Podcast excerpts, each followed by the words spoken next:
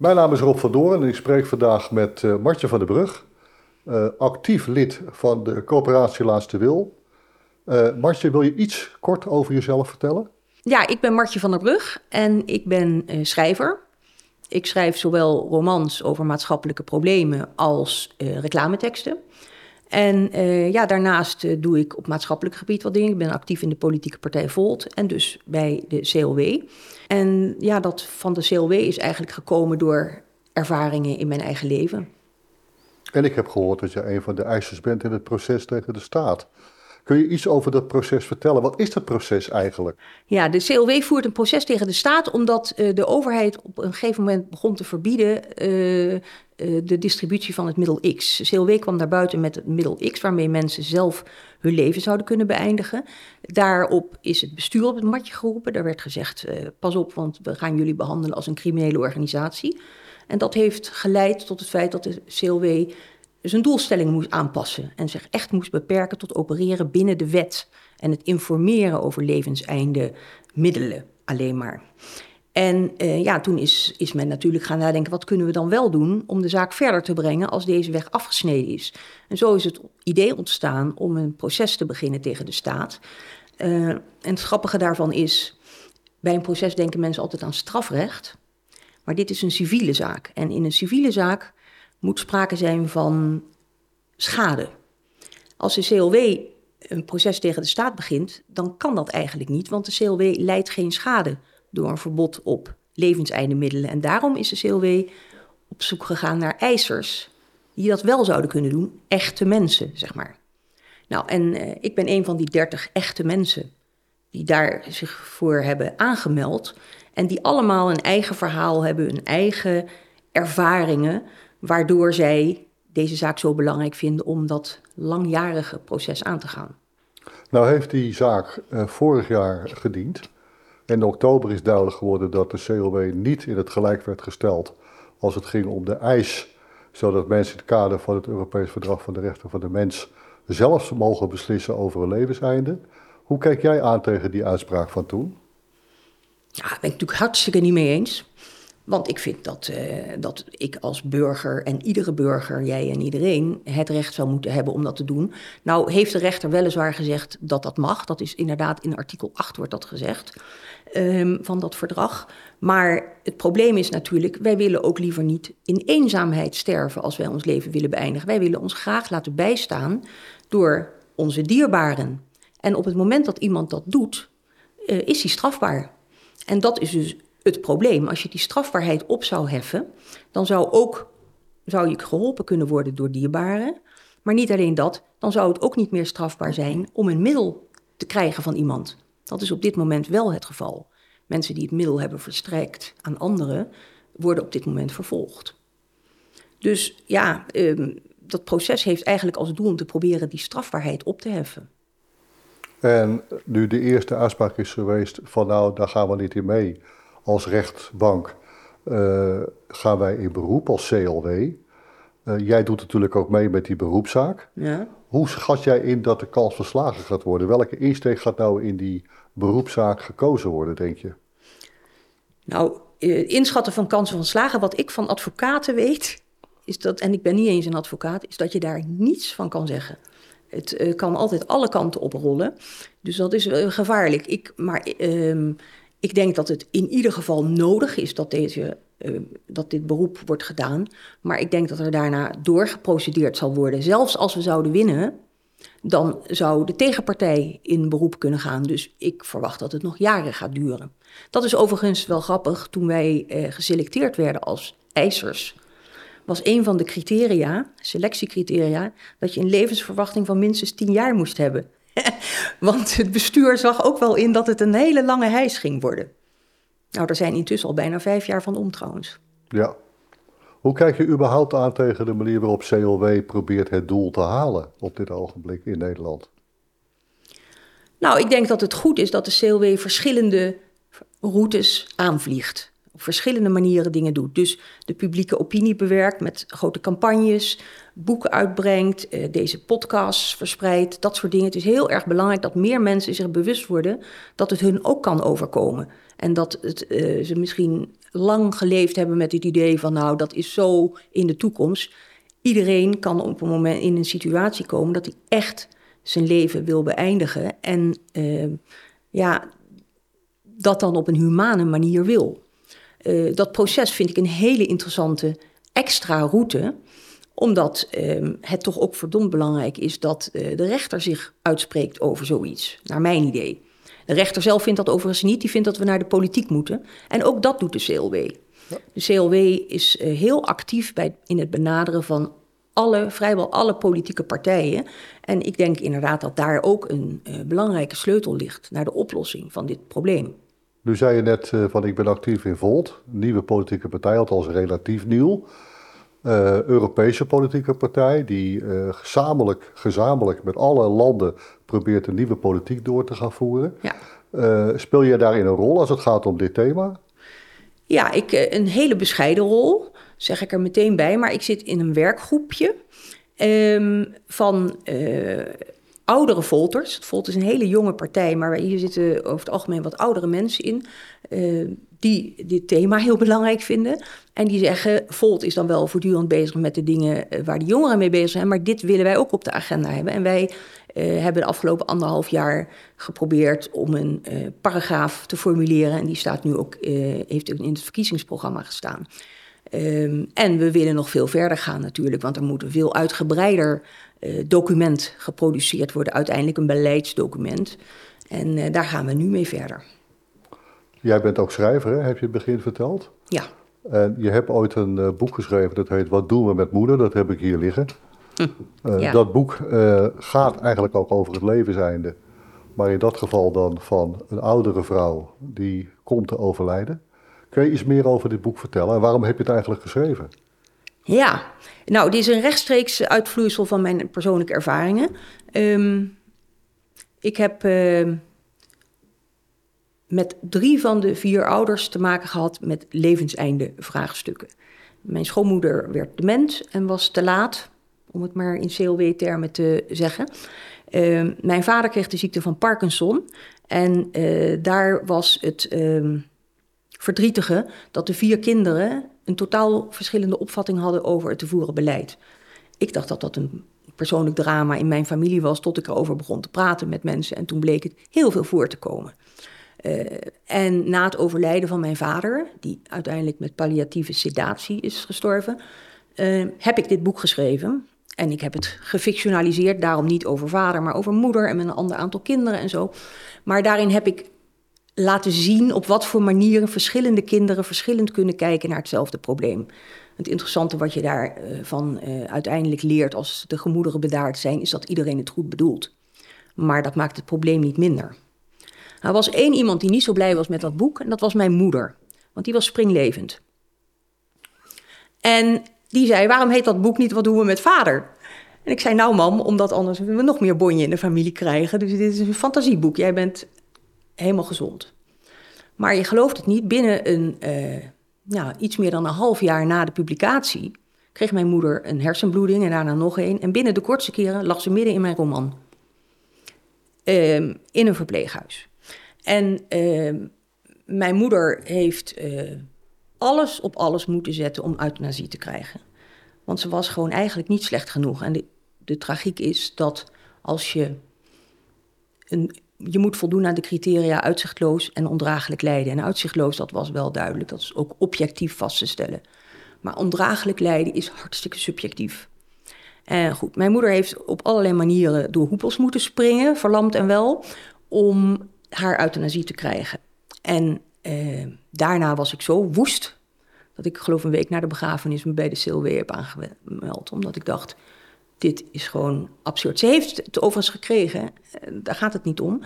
Maar het feit dat je daar zoveel moeite voor moet doen, dat er allemaal mensen over jou mogen beslissen en het voor jou moeten bepalen, dat stond mij zo verschrikkelijk tegen. Uh, voor, zeker in het geval van mijn moeder, die zo'n autonome vrouw was. Um, maar er was geen andere weg. Nou goed, dat, uh, maar dat was dus. het grappige is, dat boek lag er dus al. En uh, toen, toen uh, mijn moeder was overleden, heb ik dit boek ook aan de hele lieve huisarts gegeven, met, om hem te bedanken. En toen heeft hij het gelezen en toen belde hij me op en toen zei hij... Je gaat me toch niet vertellen dat je dit boek geschreven had voordat jouw moeder was overleden? Maar dat was wel zo toevallig, zo idioot. Maar goed, zo ben ik in de CLW terechtgekomen. Hoe is overigens in jouw familie toe gereageerd op dat boek verder? Nou, ik heb echt heel erg mijn best gedaan om op geen enkele teen te staan. Daar kan ik me iets bij voorstellen. Ja, nee, dat is, het, is, ik heb, ik heb een, het is een roman. Maar um, ik heb wel, en dat um, maakt het wel interessanter, en dat vonden mijn uh, uh, zusjes en broer ook wel grappig. Ik heb um, gepraat met allemaal deskundigen van tevoren. Dus bij het schrijven.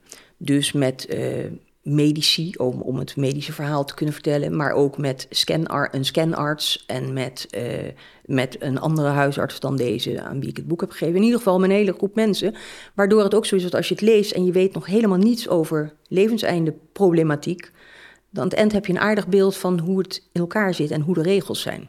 Nou, en dat is ook de reden waarom ik zoveel lezingen daarover heb gegeven in het land. En word jij er nu in het dagelijks leven vaker op aangesproken op dit thema? En waarom jij het standpunt huldigt wat jij zojuist hebt verteld? Um, ja, ik word er natuurlijk wel op aangesproken, want er zijn natuurlijk veel mensen die dat, dat boek dan kennen en lezen. En dan, ik krijg brieven van, van lezers. Ook, uh, daar, dat vind ik ook wel heel fijn. Ik krijg, ik krijg wel bijvoorbeeld uh, mails via de uitgeverij. Dat mensen zeggen, ja, wij hebben zo ontzettend veel aan het boek gehad, want het heeft het voor ons in de familie bespreekbaar gemaakt. Omdat de dood is een taboe. En mensen vinden het heel gênant om over de dood te praten. Um, en als je allemaal een boek leest en je gaat over dat boek praten, dan gaat het opeens niet over jezelf. En dat, dat is een soort, wat ik helemaal niet voorzien had hoor, maar een soort hulpmiddel geweest. En laten we nou eens aannemen dat je 30 jaar ouder bent of 40 jaar ouder en je ligt op enig moment zelf op je sterrenbed. Hoe kijk jij aan tegen het laatste levensfase?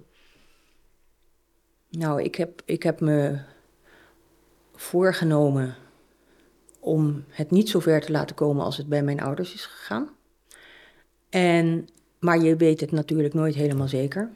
Veel mensen zeggen tegen me: Ja, jij kan wel zeggen dat je dat gaat doen, maar dat weet je pas als je ervoor staat en zo. Dan zeg ik: Dat is waar. Maar ik heb wel gezien hoe mijn moeder dit heeft gedaan met zo'n moed. En ik denk: Als mijn moeder dat kan, dan kan ik het ook. Het is namelijk wel heel erg uh, uh, groot. Het is een heel groot ding, euthanasie. En dus ook zelf je leven beëindigen. Dat moet je niet onderschatten. Maar ik ben vastbesloten om uh, zelfstandig te blijven. En als dat niet meer kan, om, uh, om uh, mijn leven te beëindigen. Heb je daar een middel voor in huis? Nee, maar ik heb me wel onmiddellijk aangemeld voor de proeftuin. Want ik hoop op die manier, op een legale manier, mee te kunnen liften. De proeftuin van de CLW. waar dus nou ja, een beoogd test om eens te kijken. Oh, hè, ik hoop dat die door kan gaan. En dan ehm, ja, dat op die manier te doen. Nou, daar hebben we de politiek voor nodig. Hè? Want dan moeten we die, op zijn minst moeten we de gedoogconstructies zien te creëren. Waardoor we de proeftuin mogen gaan gebruiken en inzetten. We merken dat nu al, we praten nu op 21 november met elkaar, een dag voor de verkiezingen. Uh, voor de Tweede Kamer. Dat nu al duizenden mensen zich hebben ingeschreven. Jij bent er dus blijkbaar één van. Nou, we hopen dat er nog een aantal duizenden bij gaan komen. Dat ziet er wel naar uit, want het gaat elke dag heel hard op dit moment. Maar stel je voor dat we zo meteen, laten we eens noemen, 20, 30.000 mensen hebben ingeschreven. Die zeggen van nou, ik zou graag willen meedoen met die proeftuin. Denk je dat dat bij de politiek effect zal gaan hebben? Nou, eerlijk gezegd heb ik geen idee. Weet ik niet. Ik, ik, het is wel natuurlijk wel zo dat de politiek echt wel heel goed probeert te, te, te volgen wat er in de samenleving leeft. Maar je kan aan uh, de gebeurtenissen van de afgelopen jaren zien dat de politiek in ieder geval op het levenseindegebied ver achterloopt op de maatschappelijke tendens. Want uh, driekwart van de, of nou twee derde, ik moet niet overdrijven, maar ik denk dat twee derde van de, er zijn verschillende onderzoeken gedaan, twee derde van de Nederlandse bevolking in principe het eens is met zelfbeschikking rond het levenseinde. Wat voor manier kan je over twisten, maar een overgrote meerderheid van de samenleving. Nou, en daar, eh, de politiek die is daar helemaal niet op aangesloten. Die vindt dat ook allemaal veel te spannend. Helaas. Maar misschien gaat dat wel veranderen. Daar doen we ons best voor, toch? Ik denk dat jouw partij, waar jij actief in bent, daar driftig aan zal bijdragen aan een andere kijk op de werkelijkheid op dit punt. Nou ja, die, die proberen sowieso een nieuwe politiek te introduceren en niet te angstig te zijn en ook niet bang te zijn om dingen anders te doen dan in het verleden. En um, dat is natuurlijk met levenseinde zo. Uh, heel veel mensen zijn ontzettend bang voor de gevaren die um, kunnen ontstaan als mensen maar het allemaal bij elkaar door, door de pap gaan zitten roeren, om het maar zo te zeggen. Maar ehm, er moet natuurlijk ook een heel goed gedegen plan komen. Maar het kan natuurlijk niet zo zijn dat uh, zieke huisdieren wel uit hun lijden verlost worden en uh, mijn schoonmoeder jaren moet blijven liggen. Dat vind ik gewoon een, een, een schande. Ja, dat voorbeeld heb ik inmiddels al vaker gehoord in gesprekken die ik heb gevoerd. En het valt mij op uh, dat mensen blijkbaar een speciale positie nemen, zeker als ze het zelf zouden willen. Dat vind ik ook zo bijzonder. We hadden het net even over een aspect bij het overlijden, wat jij zojuist noemde, waar op dit ogenblik een zwaar straf op staat. Als je aanwezig bent en je gaat hulp verlenen tijdens een zelfdoding, staat er, op dit ogenblik staat er drie jaar gevangenisstraf op maximaal. Uh, dat betekent dus dat op het moment dat je iemand uitnodigt, jij nodigt iemand uit of ik nodig iemand uit terwijl ik op een sterrenbed lig, dat ik daarmee die ander die bij me is feitelijk veroordeel tot een mogelijke vervolging en zelfs veroordeling. En daarmee hebben we iets in onze samenleving gecreëerd dat zelfs als je erom vraagt, dat het buiten de wet gaat vallen en dat het strafbaar gaat worden. Hoe kijk je daar tegenaan? Ja, nou, dat, dat is dus de wantoestand. Dat het strafbaar is om iemand te helpen die jou dierbaar is. Nou, ik, ik, ik denk dat er uh, misschien wel mogelijkheden zijn. Nogmaals, we doen het via de politiek, we doen het via het proces. Maar um, als je kijkt naar het Europees verdrag, we hebben een deel van Europa. Als je kijkt naar het Europees verdrag voor de rechten van de mens, daar staan twee clausules in die echt heel interessant zijn en waar iedere burger wel eens naar zou kunnen kijken. En dat zijn uh, uh, twee artikelen, artikel 8 en artikel 2. En artikel 8, daarin wordt gezegd dat ieder mens recht heeft op zijn persoonlijke levenssfeer. En daar is in het proces tegen de staat door onze advocaat Tim Vis heel erg op gehamerd dat dat artikel 8, dat de Nederland zich daaraan moet conformeren. Want de Europese wet is hoger dan de Nederlandse wet. Nou, en het leuke is, ondanks dat we die zaak verloren hebben, is dat artikel 8 heeft de rechter inderdaad erkend dat um, ieder mens recht heeft op de persoonlijke levenssfeer. En dat dat ook betekent dat men, als men uit volledig vrije wil en bij zijn goede verstand dat wenst, dus ook hoort het recht om je leven te beëindigen. Nou, dat is voor de juridische fijnproever een doorbraak. Nou, maar grappig genoeg is er ook artikel 2 in het Europees Verdrag voor de Rechten van de Mens. En artikel 2 zegt dat de staat de plicht heeft om het leven te beschermen van burgers. Nou, dat is natuurlijk heel goed, hè? Want als artikel 2 er niet was, dan konden we natriumazide naast het keukenzout in de supermarkt leggen en dan kwam iedereen in gevaar. Dus de staat zegt nee, dat is alleen maar redelijk. Maar als je die twee artikelen naast elkaar ziet, dan zie je dus enerzijds artikel 8, je hebt recht om je leven te beëindigen volgens de rechter. En artikel 2 zegt, de staat moet het recht op leven beschermen. Nou, ik lees het recht op leven beschermen betekent dat ik de plicht heb kennelijk om te leven. Want de rechter heeft dat argument gebruikt om uh, vonnis te wijzen hè, en ons te laten verliezen in die rechtszaak. Nou, daar, daar zit dus spanning op. Aan de ene kant mag je je leven beëindigen, aan de andere kant moet de staat jouw leven blijven beschermen. En ik vraag me af waarom ik als burger eigenlijk niet afstand kan doen van mijn recht op leven. Als ik dat in een of andere formele setting kan zeggen, overheid, alles goed en wel, jij beschermt mijn recht op leven. Maar ik wil dat recht niet meer. Dan zou je kunnen redeneren, dan heeft de staat niks meer te beschermen. En dan ben jij ook niet meer schuldig als jij mij helpt om te overlijden. Maar ik heb alleen nog nergens gezien dat er een mogelijkheid is dat ik ergens een formulier in kan vullen om mijn recht op leven op te geven. Maar het zou verdraaid interessant zijn als je dat dus, in een juridische procedure zou proberen. Dan hoef je namelijk ook de wet helemaal niet aan te passen. Dan kan iemand gewoon zijn vinger opsteken en zeggen: Ik zeg mijn recht op leven op. En dan hoeft de overheid dat niet meer te beschermen, want artikel 2 staat niet meer dan dat. Daar staat niet: je moet het recht op leven beschermen, want anders dan kunnen mensen elkaar gaan helpen bij hun leven. Er staat alleen maar dat recht op leven. Nou, ik hoef dat recht dan misschien niet meer op enig moment. Wat denk ik belangrijk is in dit hele proces, hè, zoals we nu op dit ogenblik mee bezig zijn, denk dat jij het heel krachtig en goed verwoorden. We volgen nu op dit ogenblik als COW meerdere sporen. We zijn Ja. bezig met de rechtszaak, proces tegen de staat. We zijn bezig met te proberen de politiek te bewerken. We voeren actie om aan de samenleving te laten zien dat we voor een goed doel staan. En dat iedereen daardoor de ruimte gaat krijgen zijn eigen keuzes te maken aan het eind van het leven. Wanneer hij of zij vindt dat het eind van het leven daar is. Dat kan trouwens ook voor jongere mensen zijn. Hoe kijk je daar tegenaan? Niet alleen voor oudere mensen. Ja, ik zou willen dat jongeren zich zouden realiseren waar hun belangen liggen. En als jongeren de CLW in grote getalen zouden steunen, dan zouden we de zaak kunnen regelen voordat ze oud zijn. En dat is verdraaid handig voor ze. Want in mijn tijd, ik moet maar afwachten of het geregeld is voordat het voor mij nodig is. Dus ik denk dat je uit welbegrepen eigenbelang als jongere wel degelijk je achter de CLW zou moeten scharen. Maar eh, ja, daar, daar zijn, dat, ja, dat proberen we. Ik begrijp wel dat jongeren ook wel weer andere dingen op hun agenda hebben. Maar uiteindelijk is er maar één zekerheid in het leven. En dat is dat er een moment komt dat je zult overlijden. En ook al ben je nu hartstikke jong, dat is eigenlijk het enige wat je zeker weet. Nou, ik zou zeggen, schaar je dan achter de CLW, want daarmee kun je dan in ieder geval zorgen dat dat een zo goed mogelijke manier is om je leven te, dat je een zo goed mogelijke manier hebt om je leven te beëindigen. Want het is niet iedereen gegeven om in zijn slaap te eindigen, zomaar, zonder dat hij het merkt.